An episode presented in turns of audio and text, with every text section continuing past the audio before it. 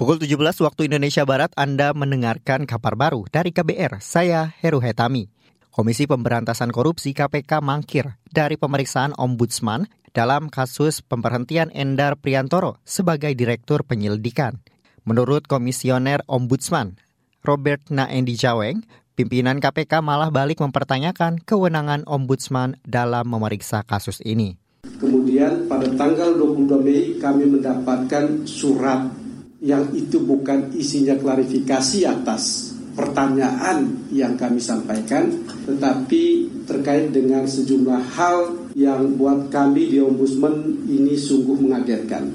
Mengagetkan karena justru kemudian bertanya dan mempertanyakan hal-hal yang sifatnya terkait dengan kewenangan, hal-hal yang sifatnya opini dari KPK atas Ombudsman dan atas salah yang ada. Yang itu belum kita tanyakan. Robert Naandi Jaweng memastikan kasus ini objek pengawasan Ombudsman. Kata dia, Ombudsman akan melanjutkan proses pemeriksaan sesuai prosedur. Sebelumnya Endar melaporkan Ketua KPK Firly Bahuri ke Ombudsman. Laporan itu terkait dengan dugaan maladministrasi atas pemberhentian dirinya dari Direktur Penyelidikan KPK. Kita ke informasi selanjutnya, saudara ribuan jenazah korban tindak pidana perdagangan orang (TPPO) dipulangkan ke Indonesia.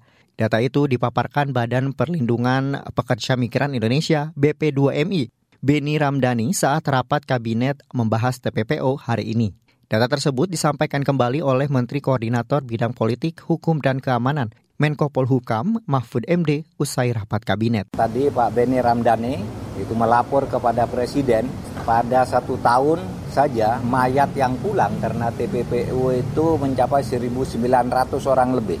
Khusus di NTT, khusus di NTT sampai dengan bulan Mei itu sejak Januari sampai Mei khusus di NTT saja sudah mencapai 55 orang mayat pulang karena perdagangan orang. Menko Polhukam Mahfud MD mengatakan Presiden Jokowi memerintahkan jajarannya untuk menata kembali Satgas TPPO. Jokowi, kata Mahfud, juga mendorong aparat penegak hukum bertindak cepat dalam kasus perdagangan orang.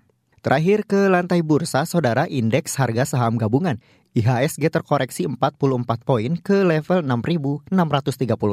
Dilansir dari kontan, indeks tertekan pelemahan 5 sektor saham antara lain sektor industri, konsumer primer, kesehatan, properti, dan barang baku.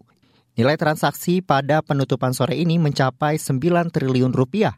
Lebih dari 290 saham melemah, 230-an naik, dan 210-an stagnan. Sementara itu, rupiah ditutup melemah 0,09 persen ke posisi 14.985 per dolar Amerika Serikat rupiah melemah bersamaan mayoritas mata uang Asia lainnya. Demikian kabar baru KBR, saya Heru Hetami, salam.